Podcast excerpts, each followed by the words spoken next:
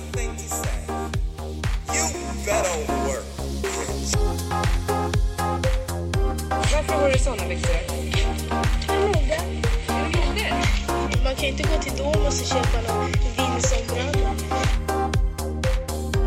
You can easily buy your way into being fashionable. Style, I think, is in your DNA. tre söta flickorna igen. Och de är under hela den här uppvisningen klädda i svenska kläder. Importen från Paris andra modercenter är stängd, men det går ju bra i alla fall, eller vad säger publiken? Det är svensk produktion i fullkomlig internationell klass.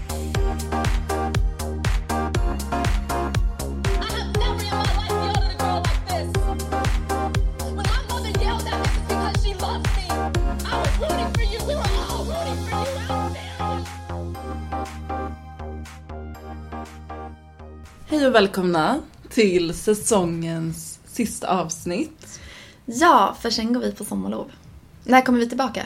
Vi kommer, vi kommer med ett avsnitt i augusti och sen är vi igång hela hösten som vanligt. Ja, varannan vecka på fredagar. Och eh, just nu sitter vi i ett somrigt Stockholm, nationaldagen, men det verkar också vara någon typ av studentdag kanske. Så att hör ni någon, något ljud dunka i bakgrunden så är det glada studenter. Ja, och som vanligt eh, dålig musik till just studentdagen. Jag förstår inte. Jag Nej. trodde ungdomarna hade bättre smak idag. Ja, vi sitter här och eh, ojar oss över ungdomarna. För vi ska ju prata om när det var bättre, alltså förr. Och eh, dagens tema berättar vi om sist. Det är ju NK franska. Och vi har så mycket att säga om NK franska, men också om NK. Alltså vi har ju verkligen nämnt NK franska i nästan varje avsnitt och vi har till och med ett ljud i vår jingel från NK franska som vi kommer att prata om idag också mer. Exakt. Ja, för NK har ju bidragit mycket till modehistorien i Sverige. Så som sagt, det har kommit upp, vi har talat om det nästan varje avsnitt och därför kände vi att vi måste göra ett helt avsnitt av det Ja, här. vi måste ta det på riktigt. Ja, Det är verkligen så här, you can't swing a dead cat i mode-Sverige utan att träffa något som har att göra med NK. nej verkligen inte. Och sen tänker jag också något som kanske är självklart för oss, kanske inte självklart för alla. Nej, så vi får ta det från början. Ja, Och vi har ju också båda nämnt att vi har våra kopplingar till NK. Vi har båda jobbat på och med NK på olika sätt. Så att vi har snappat upp lite här och där om historien. Men för att börja prata om NK franska kanske vi måste börja prata lite om bara så här NK, Nordens Nordiska kompaniet, konceptet. mm. för NK var ju pionjärer med att öppna det första varuhuset i Sverige. De, var, de är ju Sveriges Selfridges, de är Sveriges Harrods, de är Sveriges Lafayette liksom. Så att de öppnade under en tid när många sådana varuhus liksom etablerades runt om i världen. För vi var ändå fortfarande väldigt tidiga i Europa. Och de var först med mycket och det senaste och det var väl lite deras motto. Fortfarande idag faktiskt. Eh, Men för att nämna någon, några saker som de var först med så var NK var först med att lansera jeans. Och även först med att ta in Barbie-dockan, leksaker från Lego, nylonstrumpan, djupfrysta grönsaker och TV. Eh, Ja, många produkter helt enkelt. Jag har också hört att de var först med att liksom instifta alla dag som en kommersiell högtid i Sverige. Och eh, de var också först med eh, rulltrappan i Sverige. Ja, för NK ville ju inte bara skapa ett varuhus för shopping utan det skulle också vara en upplevelse. En kulturell och kommersiell teater. Exakt. Så när de öppnade sitt varuhus på Hamngatan, som vi kommer komma in på, då var de först i Sverige med att ha en rulltrappa, vilket ju blev en aktivitet som folk liksom åkte och gjorde. Ja, verkligen. Och eh, för många var det lite läskigt att ställa sig på rulltrappa för det hade man ju inte gjort förr. Och för att göra det lite extra roligt så stod det också då en välklädd eh, man vid hissen och bjöd på en liten shot när man åkte upp. För att ge lite mod. och eh, det var ju också så att barn åkte och busåkte i rulltrappan, så de första veckorna med den här nya rulltrappan fick, fick man till slut stänga av den för att det blev för kaotiskt. Ja, folk sprang dit efter skolan eller kanske till och med skolkade för att få åka rulltrappa. Och det kan man ju fatta. Gud ja. Nej, men början av 1900-talet eller slutet av 1800-talet när den här historien började, det var liksom en tid av innovation och teknisk utveckling och ja, men NK och Josef Sachs då, grundaren av NK, ville verkligen vara med på det tåget och gå i bräschen kan man ju säga. Och en sak som de hade var ju såklart ja, men, NKs franska damskrädderi. Eh, som, som då öppnade samtidigt som NK och som stängde på 60-talet. Och eh, anledningen att det har blivit så aktuellt de senaste åren det är ju eh, utställningen Nordens Paris på Nordiska museet. Som, har, som kom efter en idé av journalisten Susanna Strömqvist. Så utan henne hade man nog inte känt till så mycket av det här. Nej, NK Franska hamnade ju tyvärr mycket i sin eh, glömska som Susanna Strömqvist har slått vid liv. Det fanns ju också flera andra ateljéer liksom under tiden för NK Franska som också har varit lite glömda som till exempel Märtaskolan och eh, Augusta Lundin. Men även Augusta Lundin har ju lyfts på senare år med en annan utställning. Så att, de här, man har väl fått en känsla av att vi måste berätta Sveriges modehistoria och våra coutureateljéer. Ja, och många av de kvinnor som ligger, låg bakom allt det här. För man kanske har trott att så här, Sverige hade, vi hade förvisso liksom Borås och den tekoindustrin men man har nog glömt lite att Sverige också hade en stor liksom skräddad verksamhet. Ja, haute couturen. Och det, det är en historia som tål att berättas. För, för det var inte bara så att vi köpte färdiga plagg från Paris och bar utan det var ett stort hantverk som skedde på plats i Sverige. Ja, men vi tänkte ju berätta hela historien om NKs franska sida vid sida med, med NKs historia för de är så tätt sammanbundna. Ja, verkligen. De hör lite till. För att mycket, och mycket av det som händer i världen drabbar ju då NK och det drabbar ju också NK franska såklart.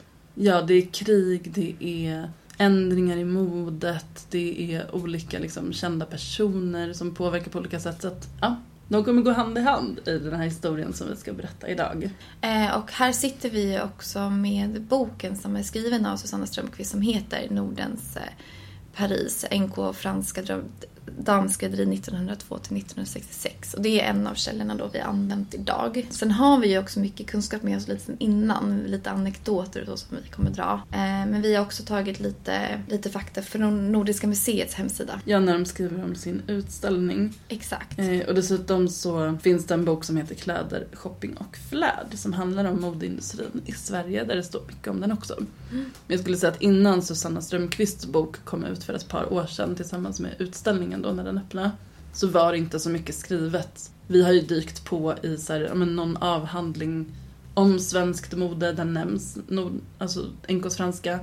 Men man har, man har ofta nämnt i tidigare liksom, källor att, så här, men att man inte vet så mycket om ateljén. Eh, nej, och även jag som har pluggat lite modehistoria och modevetenskap, det är lätt att man bara hänvisar just till Frankrike och Italien. Men NK franska var ju verkligen svenska scenen för haute couture.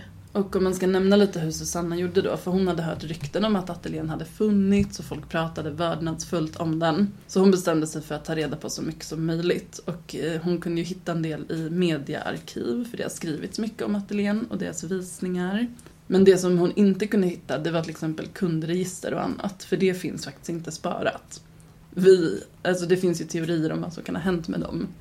Tänk om när den lades ner att man valde att förstöra alla kundregister för man vill, tyckte att det var liksom uppgifter som inte skulle läcka ut till exempel och bli offentliga handlingar. Eh, så man vet inte exakt men det finns ju dock dokumenterat på andra sätt vilka som var kunder och vilka som beställde därifrån. Men mycket papper är borta. Verkligen. Men när man gjorde den här eh, utställningen så, NK franska, så tog, eh, ropade man ju ut att få plagg. Ja, man gjorde ett upprop för att få in plagg från folk som hade kvar NK franska sydda plagg i sin garderob. Precis, och där när man vände på etiketten i plaggen så kunde man ibland se vissa namn. Så då kunde man ju veta vilka som har burit de här från början. Ja, när Susanna Strömqvist hittade det tillsammans med liksom konservatorer på Nordiska museet då kände de att de började hitta hemligheterna bakom NKs franska. Ehm, så det, det går verkligen, det har gått nu i efterhand då att ta fram vilka namn som beställde där. Det var många kända, många kungligheter och så. Så att hennes gedigna, framförallt skulle jag säga undersökning av plaggen de fick in. Folk kom till NK då och lämnade in plagg för att låna ut till utställningen. Det har gett extremt mycket fakta. Tillsammans med media, arkivmaterial och även en del tv-material har de kunnat hitta när Kurt pratar och sådär. Han var väldigt karismatisk. Kurt var alltså en, den som var chef längst på at- ateljén. Honom ska vi också prata om idag. Mm. Ja. Ja, det känns som att vi är ivriga att eh, sätta igång. ja, men jag tror att det här är nog med bakgrund. Nu Mm. kör vi. Det gör vi. Inga dumheter nu, vi ska ta reda på mamma i damskrädderiet. Där sitter mamma mycket riktigt. Hon sitter och ser på sådant som imorgon framläggs i form av önskningar inlindade i tillmälen som lilla gubben och dylikt. Och som efter vanligheten hos husfadern resulterar i en hjärtattack på samma sida som plånboksfickan. Här är det yttersta ursprunget till dylika hjärtattacker. Tillskärningen av en blivande dröm i säsongens saliggörande färg. Och alla drömmarna vandrar vidare i den stora ateljén. Först till trockelbordet och sedan till ärmbord och andra bord ända till dess man är klar för provningarna fram till fullkomligheten. Vi backar till 1902 då NK Nordiska kompaniet slår upp sina portar vid Stureplan. Och historien för Stockholms första, eller Sveriges första varuhus kanske, den börjar ju då med Karl M Lundberg och Josef Sachs. De drev varsin butik i Stockholm. Josef Sachs drev Josef Leia som han då hade liksom tagit över efter sin familj. Hans morfar hette Josef Leia. Och Karl M Lundberg var väl i samma sits. Hans pappa, Karl, eller Karl M Lundberg var butiken. Men den drevs nu av Karl L Lundberg. Hans pappa Karl M Lundberg hade startat det. Mycket förvirring. Ja, det var svårt att få ihop allt det här. Ja. Men eh, de var väl lite konkurrenter i Stockholm först och främst med varsin egen butik. Mm, men de kanske såg varandras potential och insåg att vi måste göra någonting av det här. Tillsammans är vi starka. Exakt. Och när man, kanske, när man tänker på NK så kanske man tänker på det stora varuhuset på Hamngatan. Men det öppnade ju då vid Stureplan, en byggnad som än finns kvar idag. Och eh, de, det var helt enkelt så att eh, Carl M Lundberg och Josef Sachs slog sina kloka huvuden ihop och liksom startade ett aktiebolag tillsammans, Nordiska kompaniet då, som de öppnade 1902 på Stureplan. Ja, och det var samma år som eh, NK-loggan skapades och det är likt den som vi än idag ser snurra på NK. Och det var också då samma år som NKs franska öppnade sina lokaler i byggnaden på Stureplan.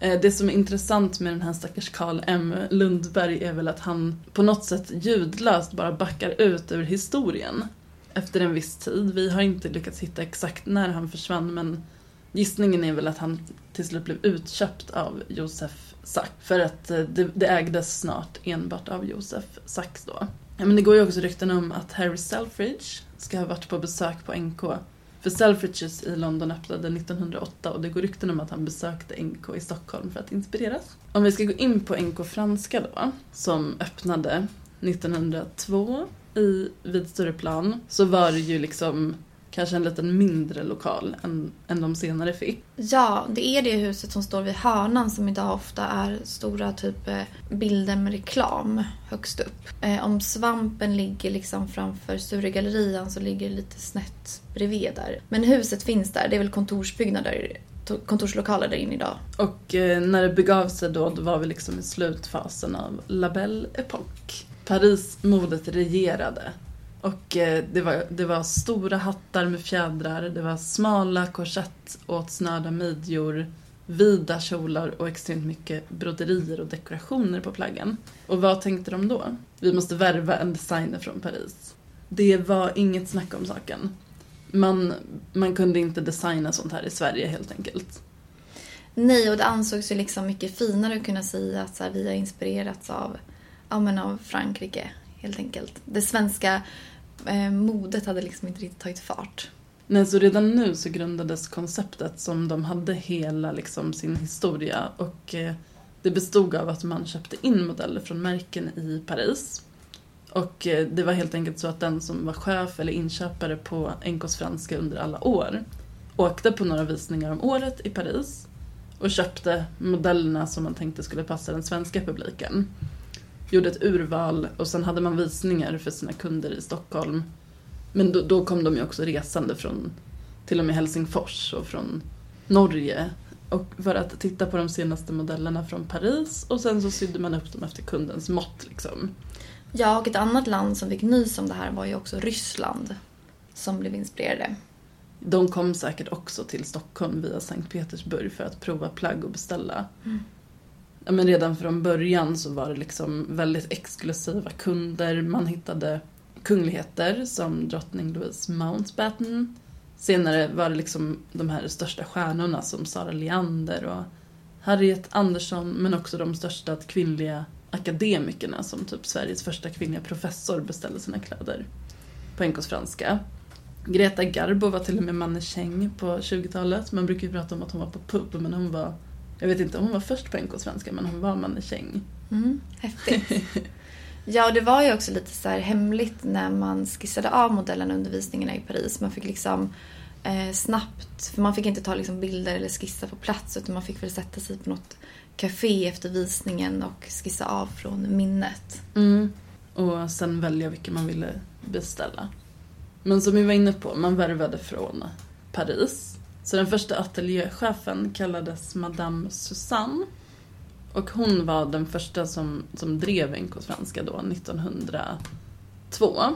Och eh, vi vet inte exakt hur, men under någon resa antagligen så hittade Josef Sachs Susanne Pellin, som hon hette egentligen.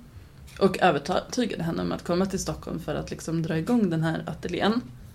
Och eh, det gjorde hon. Hon gjorde det bra, hon var väldigt liksom känd för sin utsagda smak och kunderna litade på den här fransyskan. Men någonting som var ganska tydligt från början var att så här, Susanne, Madame Susanne trivdes inte i Stockholm. Känns som att det händer då och då, att man märker hur folk som har kommit till Sverige bara så här mår P av Mm. landet Sverige. Ja, jag, jag tror att många har lite andra förväntningar än vad, det, än vad det är. Nej men, det var väl kallt och det var inte samma härliga La Belle Époque-kultur som i Paris. Nej, man liksom lämnar glamouren i Frankrike och kommer liksom till Stockholm som kanske försöker bygga upp glamouren. Det, det, Ja. det kan väl inte vara samma känsla. Nej, om Paris var trendledande så var ju Stockholm kusinen från landet också som var sådär lite efter. Så det, alla modeller kanske inte riktigt sålde i Stockholm för att här, man var inte så före än. Nej. Man var inte van vid de här Paris-modellerna. Men hon var ju ändå en av pionjärerna då att bygga upp det här. Och en sak som var stort för ateljén tidigt 1900-tal det var att ja, men det fanns fortfarande verkligen en så här riktig vad heter det, aristokrati Mm. i Sverige. Och man hade väldigt många årliga baler, maskeradbaler, där man då beställde på ateljé det, ma- det liksom exklusiva kostymerna som man skulle ha på sig. Så det var väldigt många intensiva perioder där de sydde upp eh, maskeraddräkter och eh, balklänningar till kungligheter och aristokratin och adelsdamer och så. Och NK i sig vågade ju liksom sticka ut. Du nämnde lite det här med hattarna. Mm. Eh, att det kunde liksom vara stora hattar med inte bara lite fjädrar utan det kunde vara liksom en hel fågel på. Ja, ja, ja. Eh, Så NK kunde ju också bli väldigt kritiserade för det var ju eh, saker som folk kanske inte hade sett innan och man visste inte riktigt vad man hade för ställning. Tycker man om det här eller inte?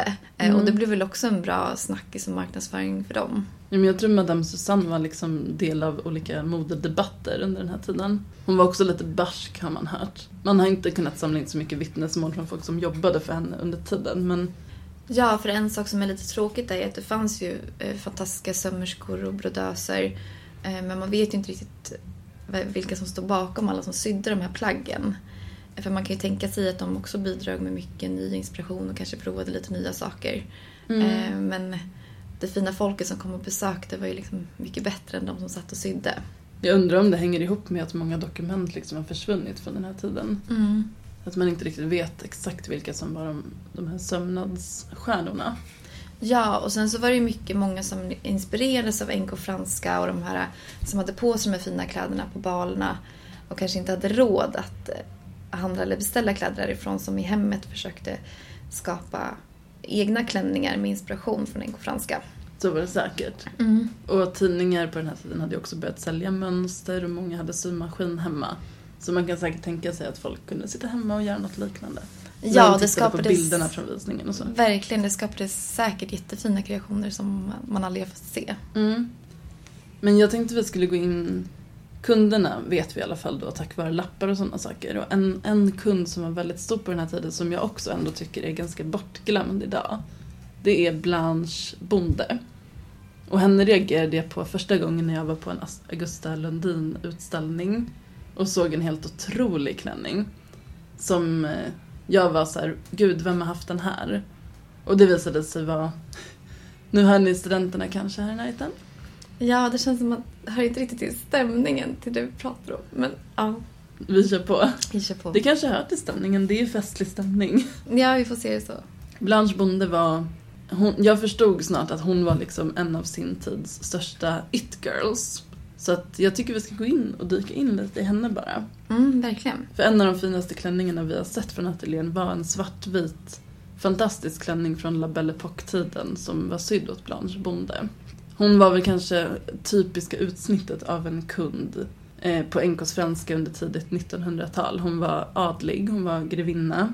Och hon, hennes liksom säte var Tjolöholm som man har beskrivit om, som Down, Sveriges svar på Downton Abbey. Så hon var väl typ Mary i Downton Abbey skulle jag säga. Och Tjolöholm finns kvar och man kan besöka det om man är utanför Göteborg. Hon, hon, jag tycker hon är intressant på flera sätt. Bland annat då för att hon tidigt 1900-tal var liksom... Ja men i Göteborg sågs hon som en tidig influencer och it-girl. Och hon beställde sina kläder på de här dyra ateljéerna. Men det ännu mer intressanta är kanske att hon också fick ett nytt liv på 20-talet eftersom hon plötsligt blev lämnad av sin man 1919. För en kvinna som var extremt mycket yngre. Och eh, det ledde till att hon istället började satsa på att föda upp eh, hundar och blev känd över hela världen för att hon var den som tog in en viss hundras till Sverige. Det var dvärgspetsar hon födde upp. Mm. Ehm, Det finns jättemånga spännande historier om hennes liv innan det här också då. Hon hade till exempel besök av den ryska prinsessan Maria Pavlovna. Hon var nog också kund på NKs franska tycker jag har läst. Så att så här, Tjolöholm var väl en sån plats där den här klicken av ar- aristokrati samlades under den här tiden och alla ville ju ha fina kläder sydda på NKs franska, eller Augusta Lundin. Det var verkligen många fester där de samlades men det var lite samma klick hela tiden liksom. Ja, men du nämnde lite den här klänningen i början och när man ser den klänningen så vill man ju verkligen veta mer om henne. Mm, jag tror det finns en väldigt så här, bakom både Blanche och många andra kvinnor i aristokratin under den här tiden finns säkert jättemånga spännande anekdoter och historier som inte är så berättade liksom. Eh, men de måste ju ha upplevt en hel del. Och det är väl lite intressant det här med hennes kopplingar också till det ryska hovet. Sverige och, och Ryssland verkar ha varit ganska nära på den här tiden. Får jag en känsla av. Men det finns ju många anekdoter från NK franska och några har vi faktiskt redan dragit i tidigare avsnitt om ni har följt oss. Ehm, men eh, det finns en anekdot att, eh, att flera av de som arbetade i ateljén har berättat att man inte fick vända drottning i ryggen när hon var på besök och provade i sitt speciella provrum var sömmerskorna och mannekängerna var tvungna att backa ut ur lokalen.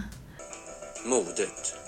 Denna kulturföreteelse som så direkt speglar tiden. Tidens idéer. Kvinnans situation. Ekonomiska förändringar. Politisk oro. Eller avspänning. Modet som ibland är en skrattspegel för tiden. Som vi nämnde i början så är ju NK pionjärer. Ska vi gå tillbaka lite vad som hände i resten av varuhuset? Under Ja, för jag tänker man 1900-tal? måste förstå NKs hela storhet. Eh, och ni, man kanske har hört om NKs möbler. Eh, om inte annat om man är intresserad av antika så kan man ibland hitta dem på Bukowskis eller liknande. Ja, de dyker upp då och då. Mm. Eh, och man kanske tänker att eh, IKEA var en av de första med de färdigpackade möblerna som man kunde beställa. I platta paket. Exakt. Men även där så var NK pionjärer. För 1904 i Nyköping så öppnade då NK sina verkstäder där de tillverkade egna möbler. Ehm, och vissa av dem då var från en beställningsvara men, även, men det kom även som en NK-serie. Och det var ju väldigt många stora arkitekter som låg bakom Mm. den här designen. Bland annat eh, Carl Malmsten, E.G. Asplund och Axel Einar Hjort. Ehm, och det var också då, men det var inte förrän 40-talet som NK då kom med serien Triva och det var den som levererades i färdigpackade paket som man kunde bygga upp hemma. Och eh, även IKEA kom ju då under 40-talet men NK var före. Vi var inne på, eh, om vi också nu håller oss till tidigt 1900-tal, så var vi inne på att relationen till Ryssland modemässigt verkade vara ganska stark. Och medlemmar ur ryska tsarfamiljen var ofta i Sverige eller gifte in sig i svenska kungafamiljen eller adliga familjer. Ja, för att man kan ju också tänka sig att eh, Sverige då som inspirerades av Frankrike eh, ligger ju också närmare Ryssland så det var kanske Mm. också enkelt att kunna ta sig till Sverige. Och just att vi hade bra relationer. Ja, för det här, nu kanske man tänker så här, ja men det är milsvid skillnad mellan typ Europa och Ryssland kulturellt och så vidare.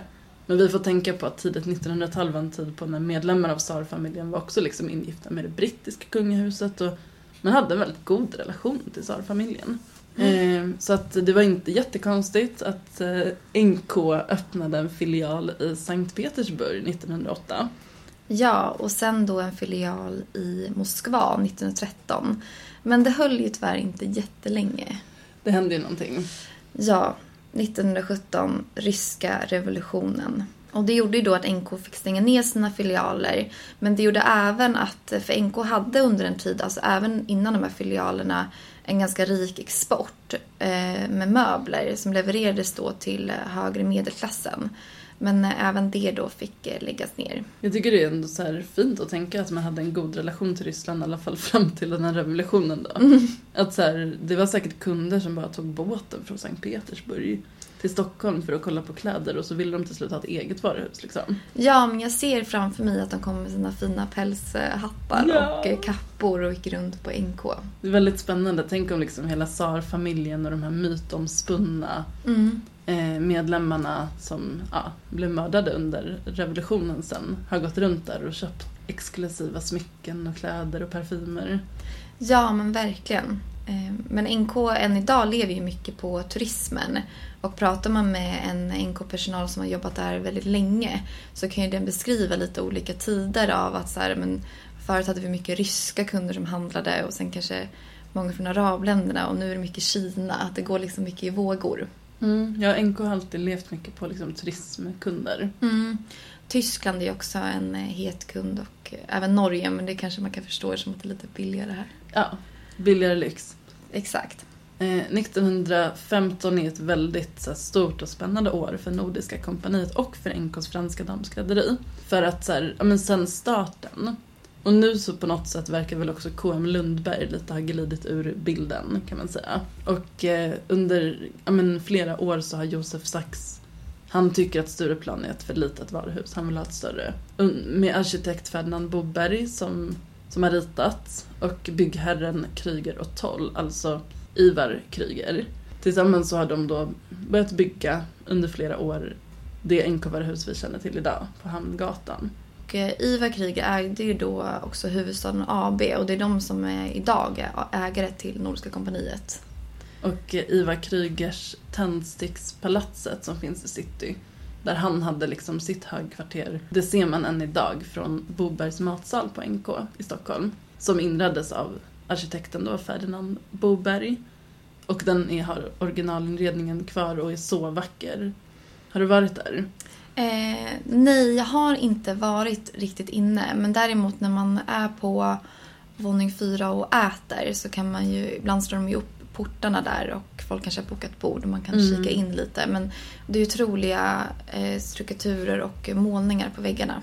rekommenderas verkligen att man någon gång bokar typ en lyxig långlunch där för att få se liksom hur NK faktiskt såg ut 1915 då när det öppnade. För det är väl kanske den enda bevarade så originalmiljön skulle jag tro.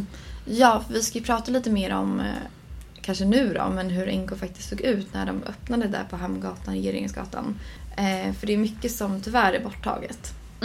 Eh, främst så kanske man tänker på när man går in från Hamngatan till Ljusgården så var det väl men idag så vet man ju kanske hur det ser ut. Men från början så såg det annorlunda ut. Från början var det mer som, det var flera trappor från olika håll. Och under så gick en öppning. Det såg lite ut som en tunnel. Precis när man kom in. Så först kom man in och sen kom en liten trappa, den finns ju kvar. Men sen gick man lite längre fram och då var det som två sidotrappar som gick upp mot våning två blir det väl då. då. Eller första våningen. Första våningen ja. Man kunde liksom gå trapporna upp till första våningen från entréplan. Eh, Vi får lägga ut en bild för det här går inte att beskriva. Nej men verkligen. Men det som finns kvar kan man väl säga är de här olika balkongerna. Mm, staketen på de olika våningarna verkar finnas kvar. Ja, sen är det också lite tråkigt för på grund av säkerhet i Sverige har man ju lagt upp på då stora plexiskivor så att ingen ska hoppa ut. De har gjort om en del av Bobergs liksom, ursprungliga arkitektur och vissa idéer av ombyggnaden kanske var mer eller mindre uppskattade sådär i efterhand. Ja, för det är väl det som eh, jag tror faktiskt NK ångrar mycket idag, att mycket togs bort. För tittar man kanske på Galleria Fayette i Paris eller Harrods i London så är de fortfarande mycket mer dekorationer kvar i huset Mm. än vad NK har. Och NKs franska ateljé fanns liksom i en lokal ovanför själva varuhuset. Och dit kom inte alla kunder utan det var ju bara de som hade bokat tid. Och eh, ja, men senare skulle det även finnas en hiss som gick direkt upp till ateljén. Mm. Eh, men den, ja, det var inte en öppen ateljé så. Men den fanns där under takåsarna. Och idag så finns det inga spår kvar av ateljén. Det är väl också lite trist. Det är faktiskt kontor där uppe nu. Ja. Det är inte ens en del av varuhuset liksom. Men den där hissen som gick, guldhissen som gick upp till NK franska, den beskrevs väl också som att man åkte upp till himlen. Mm, det paradiset. Ja, paradiset. Eh, jag vet inte om hissen fanns från början, men i alla fall när man renoverade lokalen 1939 så har det beskrivits liksom hur den här hissen gick från parfymavdelningen och ända upp till femte våningen där då NKs franska ateljén låg. Någonting som hände även på den här tiden då, om vi ska göra ett litet hopp bara för att det är väldigt kul, det här är in- inte många som vet. 1920 så försökte NK öppna ett varuhus i Buenos Aires. Ja, det var väl det att de var väl lite ledsna för att de 1917 fick stänga då i Ryssland och försökte ge sig på Buenos Aires istället. Eh, Men det blev ju då inte samma succé som i Ryssland eh, och det levde väl bara kvar typ eh, något decennium, tio år, så runt 30-talet då kanske någon, någonstans där så stängdes det ner. Och jag tycker faktiskt det var lite kul för vid jultid för om det var ett eller ja, två år sedan kanske. Då gjorde NK några liksom specialgjorda parfymer faktiskt som de sålde. Eller nej, doftljus och parfym kanske. Där de var då inspirerade av tidigare varuhus som NK hade drivit. Så de gjorde en, en som skulle dofta Buenos Aires, en som skulle dofta Moskva och sen så var det en som också skulle dofta som Ivar Krigers båt som han hade. Lite kära och så. Mm, fint. Det tyckte jag var väldigt fint och fina historier bakom de dofterna. Ja, men det känns generellt som att NK vill liksom påminna folk om dess historia. De gör det då och då och de kanske skulle kunna gjort det, eller göra det mer. Verkligen kunna göra det mer. Eh, För de där doftljusen syntes ju inte av jättemycket, men de Mm. fanns där. Om det här liksom, den första delen av NK som, och NK svenska som vi har pratat om nu Eh, pågår kanske fram till att de öppnade där på Hamngatan. Och vi hade Susanne Pellin som drev ateljén och liksom hon drev den bra. Men den blev inte den här hypersuccén under hennes tid. Utan den som faktiskt liksom kom in i bilden och gjorde NK franska, eller startade NK franskas storhetstid. Det skulle jag säga är ateljéchefen Kurt Jakobsson. Och ni ska få höra ett klipp med honom nu. Jag började på NK vid Stureplan. När NK låg där i det nuvarande Jonssonlinjens hus. Jag började som knappt eh, 16-åring. Och har hållit på tills nu. Och du började på... Jag började på franska avdelningen som då eh, hade en chef, en fransyska som hette Madame Susanne Pellin som var en ytterst kultiverad dam med en ytterst fin smak. Vad fick, vad fick du göra som eh, 16-åring? Ja, jag fick ju hjälpa henne mest och eh, ta fram tyger och städa. Hur såg den eleganta damen ut 1907 när du började? Hon hade långa kjolar, stora hattar. Siluetten såg ut som ett S. Hon hade en, en bystig barm, eh, getingmidja och rundad bakdel. I klippet hade vi Kurt Jakobsson berättat att han var på NK Franska redan 1907 och arbetade med Madame Suzanne. Mhm. Men han började som, som lärling. Han kom från en familj med, de var tio syskon sammanlagt. Oj. Och eh, han hade egentligen teaterdrömmar faktiskt. Hans pappa jobbade väl inom teatern?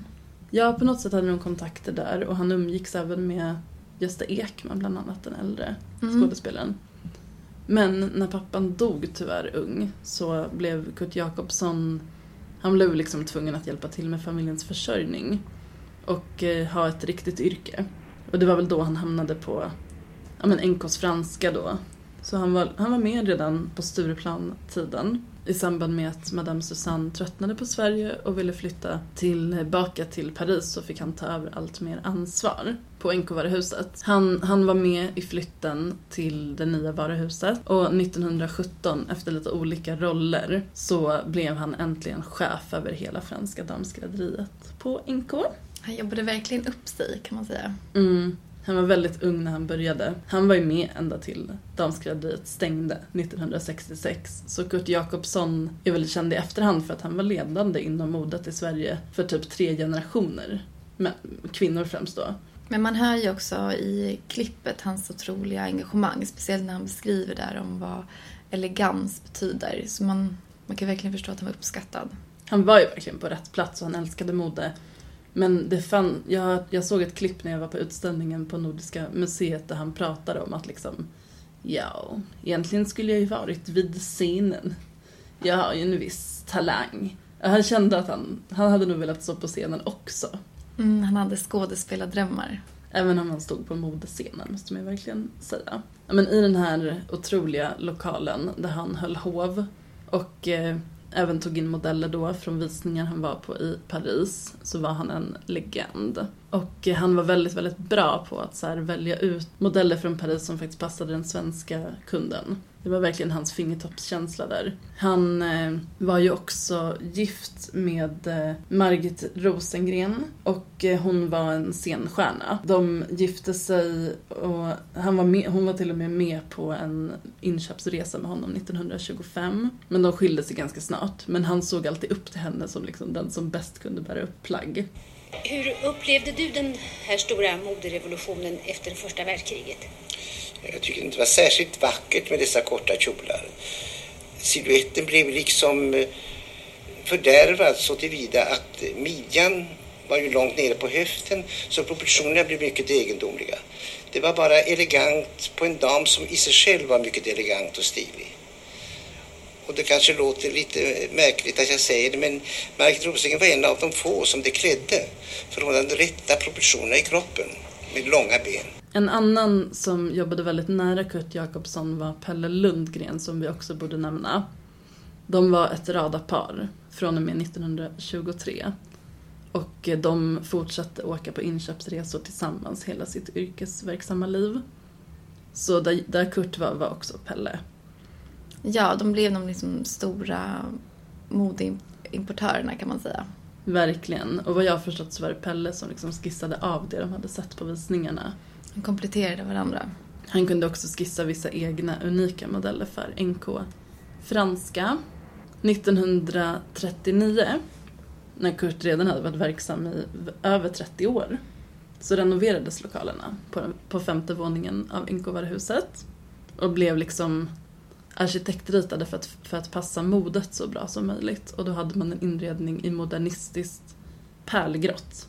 Det skulle komplettera tygerna och eh, ja, men det, det var väl en bra färg att ha en modevisning i tror jag. Ganska neutral. Exakt, och det var då också som vi redan nämnde guldhissen från parfymavdelningen kom som gick till ateljén. Men det var ju mycket annat som hände där under 1939. Ja, för er trogna lyssnare så har vi gjort ett avsnitt om modet under kriget och det är även det klippet vi har i vår, eh, vårt intro. Ja, för det blev ju då en utmaning för NK och NK franska för de kunde inte få samma inspiration från modeller i Paris längre eftersom att man inte kunde resa. Och Sverige var ju ett neutralt land så att så här, in i det längsta så tror jag Kurt Jakobsson ändå hoppades på att man skulle kunna importera franska modeller. Men den sista visningen han kunde åka på i Paris, det var 1940 när kriget redan var igång. Och efter det så blev det svårare och svårare att få in franska modeller. Ja, men de lyckades ju ändå vända det här väldigt bra och det är det man också liksom hör lite i vårt intro. Att eh, istället för att, att man ville visa att eh, svensk mode, att vi kan också hitta vår inspiration. Så under hela kriget så fick NKs franska designa egna modeller med inspiration då från tid, de senaste visningarna de hade varit på. De kanske hittade en detalj som de hade sett 1940 som de gjorde om lite. Och det här var stort för Kurt Jakobsson och Pelle Lundgren för de hade ju varit väldigt fast vid att Paris är det som gäller. Ja, det var också lite det man sålde för det ansågs liksom fint att det var inspirerat från Frankrike. Att Sverige hade liksom inte fått den stämpeln riktigt. Så de var ju med att eh, vända det helt enkelt. Att svensk design blev en grej och jag tycker också det verkar som att modemedia stöttade det här väldigt mycket. Gud ja. Man hyllade visningarna och tittade att Sverige kan också. Men det var såklart en lättnad när kriget slutade och man också, speciellt då när också tygransoneringen försvann. Och eh, efter kriget 1947 så dök en ny designer upp i Paris och det var Christian Dior. Eftersom Kurt var på alla visningar så blev ju han också god vän med Paris Design, modeskaparna. Så 1957 så kom Christian Dior faktiskt och besökte NK och NK Franska. Det var tyvärr samma år som han dog. Eh, men det har varit väldigt stora designnamn på NK. Vi har ju även pratat i ett annat avsnitt om att Emilio Pucci har besökt NKs franska. Ja, verkligen. Eh, det var väl där under 60-talet. Ja men precis. Så att så här, efter, efterkrigstiden tror jag blev en ny storhetstid för NKs franska. Eftersom att det kom in det här Christian Diors The New Look och liksom de här vippiga kjolarna. Ehm, men det var också en tid då konfektionen och ready to wear började verkligen utvecklas. Och vi har ju pratat om att tonårsmodet uppstod ja, men sent 40-tal, tidigt 50-tal. Också att NK faktiskt var först med att sälja tonårsmode. Ja, och i vårt avsnitt Linluggs eh, sotlugg så var det ju Gunilla Pontén som var en av dem som tog eh, tonårsmodet till, till Sverige. Och hon fick ju då träffa Emilio Pucci på NK eh, och reste väl sen med honom. Hon blev sen modell för honom, eller musa. Mm. Så de inledde en lång vänskapsrelation på NK. Men i och med de nya trenderna så var väl kanske Kurt Jakobsson inte lika imponerad. Ska vi lyssna på vad han hade att säga om 60-talets mode? Och det nyaste, det sista modet, vad tycker du om det? Courage-linjen till exempel. Flickor ser i spegeln. När 60-talet liksom startade med helt nya liksom utspejsade trender så var väl Kurt Jakobsson som sagt, som vi hörde i klippet, inte helt förtjust. Nej, för NK, NK Franska var ju liksom, eller NK Franska var ju scenen för haute couture och skrädderi och eh, ja men lite mer det dyra helt enkelt. Och eh, ready to wear kom och det blev billigare att handla kläder och lättare att eh, importera. Och det kom nya modeinfluenser från London till exempel med Mary Quant och minikjolen. Och det var väl inte alls det som NKs franska höll på med. Nej, och man kan ju tänka sig här att eh, NK som hade liksom varit så eh, revolutionerande och i framkant och det gick ju väldigt bra för dem att de kanske inte riktigt hängde med i den här förändringen. Men de försökte. Ja, och det kan man ju säga faktiskt om många eh, mode eller eh, företag överlag att när det börjar gå dåligt så börjar man göra lite panikförsök kan man väl säga. De ville fortsätta vara först med det senaste och de kanske Mm. kände att de hade halkat efter där. Ja, än ska man ju säga att under 60-talet så var, gick det fortfarande väldigt bra för NK men det var väl här det började liksom kalkylera lite. Lite oro. Ja. Och Det var mycket som hände i samhället och Stockholm till exempel, man rev det gamla och man byggde nytt och man började bygga moderna, stora förorter. Och det var inte de, alltså förort, tanken med förorterna var inte det som man kanske, kanske har blivit idag i Stockholm. Att till exempel då Farsta, det kanske är liksom en förort som man inte tänker på som det allra finaste och lyxigaste. Nej, men under 60-talet så var ju då eh, Farsta en väldigt trendig förort och det, det var liksom fint att flytta till Mm. Farsta. Slippa avgaserna i stan och ha närhet till naturen men kunna ta tunnelbanan in till city. Mm. Och eh, i city, i gamla Klara-kvarteren, som fortfarande, det som fortfarande inte hade rivits, det var ju slumkvarteren. Där ville man inte bo. Där hade man knappt rinnande vatten. Så vad gör NK då? Ja, de öppnar ju då en filial i Farsta så man kanske inte kan tro det när man går i Farsta centrum idag men i grunden så var det en filial till NK. Man öppnade även en filial i Malmö 1963 och eh, men så fortsätter det där lite att de hade något som kallades NK Mode som var liksom en butik men som hade lite olika avgreningar i bland annat Täby, Örebro och Jönköping. Så NK försökte sprida sig från Hamngatan med kanske varierande resultat. Ja, så Täby centrum är har ju också då varit en filial till NK. De är väl de enda kanske som ändå försöker leva, lite leva kvar på att vara ett lyxigt centrum. Sen har det ingenting med NK att göra idag men de försöker i alla fall lite. Ja, det gör de. Men man kan väl säga att år 1966 absolut markerar slutet för NK franska. Eh, Kurt Jakobsson gick i pension och NKs franska stängde.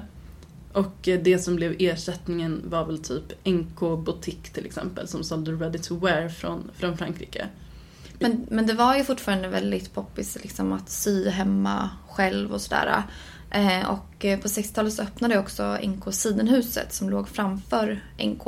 Man tog över den byggnaden som hade varit liksom en exklusiv också ateljé och tygförsäljning. Mm. Så man förknippade ju fortfarande NK just med liksom tyg, tyger och skrädderi och så vidare.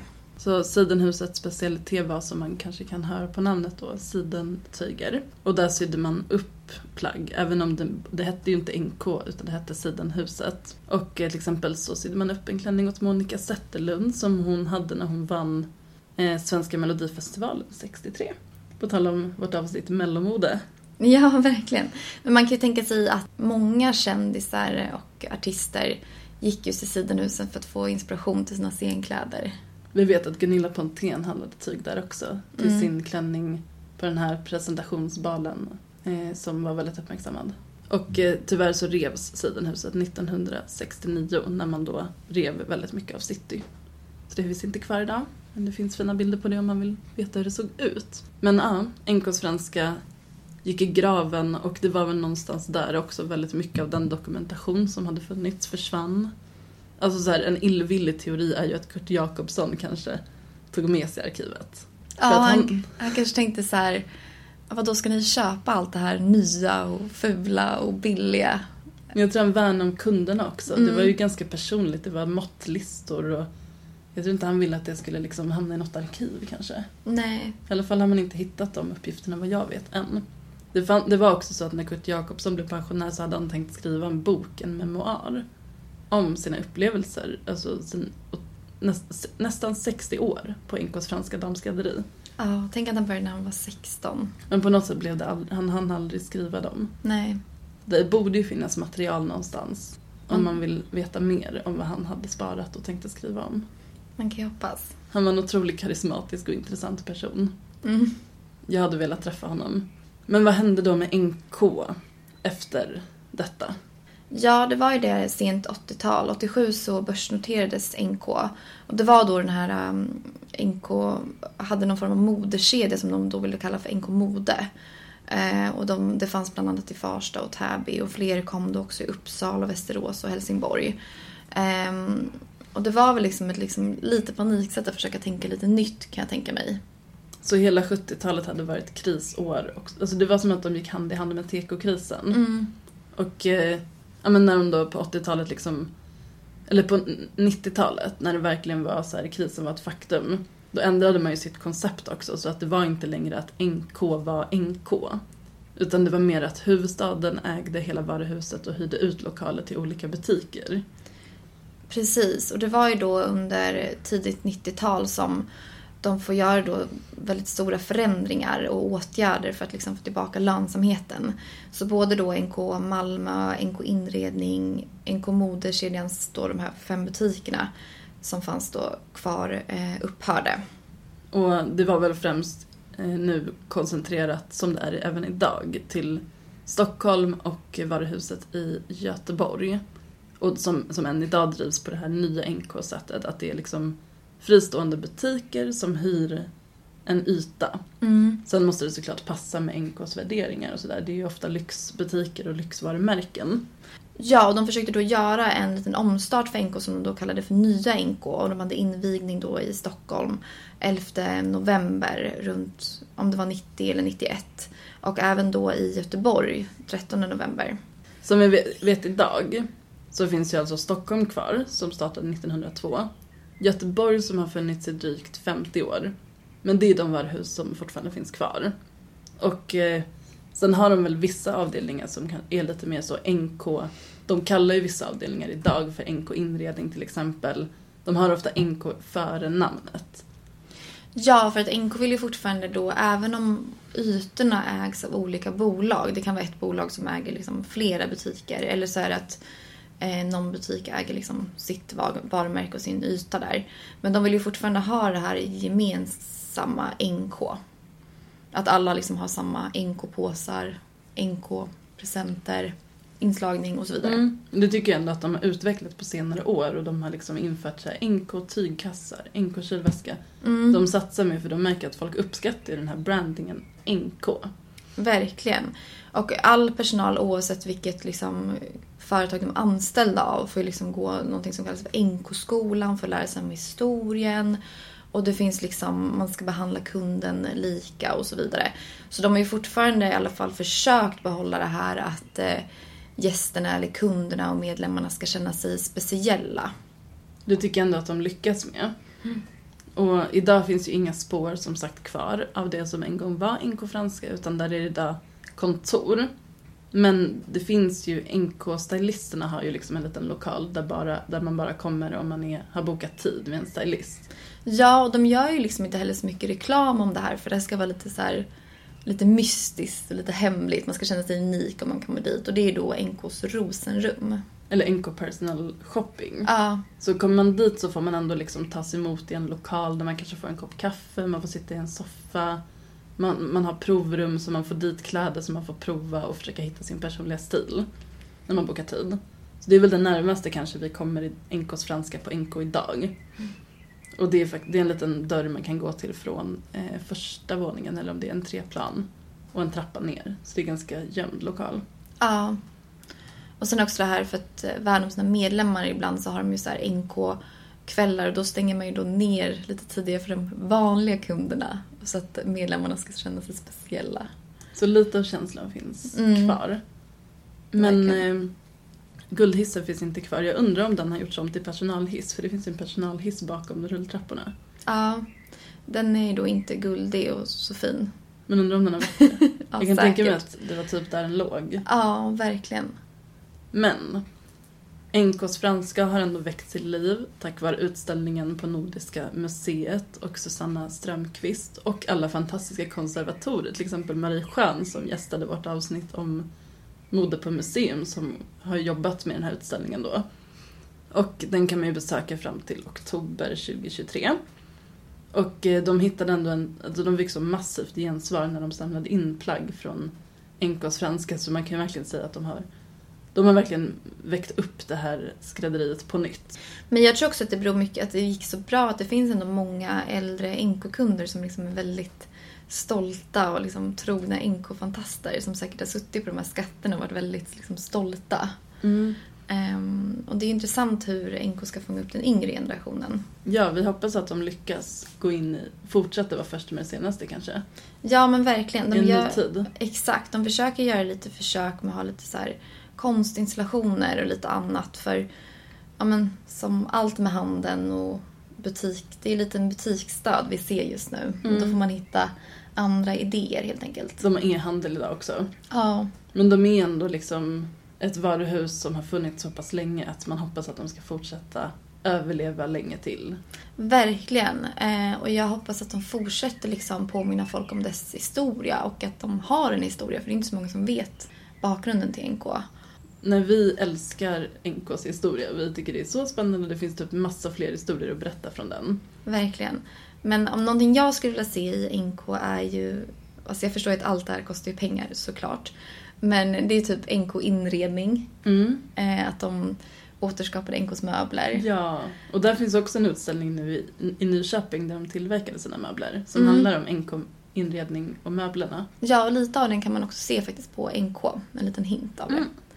Och sen också saknar vi en tygbutik i NK. För det fanns faktiskt i NK fram till bara några år sedan. Mm, jag älskade den. Ja, den är otrolig. Det hade man också velat eh, se. En touch av sidenhuset. Verkligen. Jag hade också, om man ska tänka på andra ateljéer, så tycker jag att vi i framtiden ska göra ett avsnitt om Märtaskolan. För den historien har inte heller berättat särskilt mycket. Nej, det finns mycket att hämta. Men nu så ska vi gå på sommarledighet, precis som alla studenter här utanför. Um, och vi återkommer som sagt i augusti.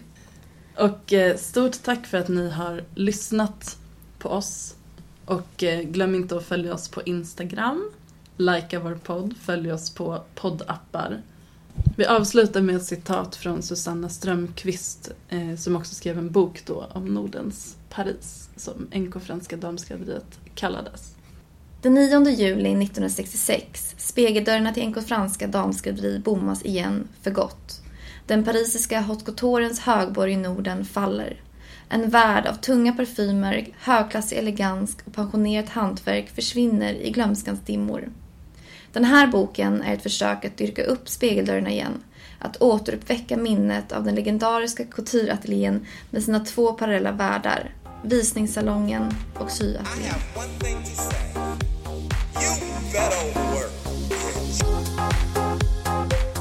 Varför var det såna du modig? Man kan inte gå till Domus och köpa någon vinsombralla. You can easily lie your way into being fashionable. Style, I think, is in your DNA. Tre söta flickorna igen. Och de är under hela den här uppvisningen klädda i svenska kläder. Importen från Paris andra modecentra är stängd, men det går ju bra i alla fall, eller vad säger publiken? Det är svensk produktion i fullkomlig internationell klass.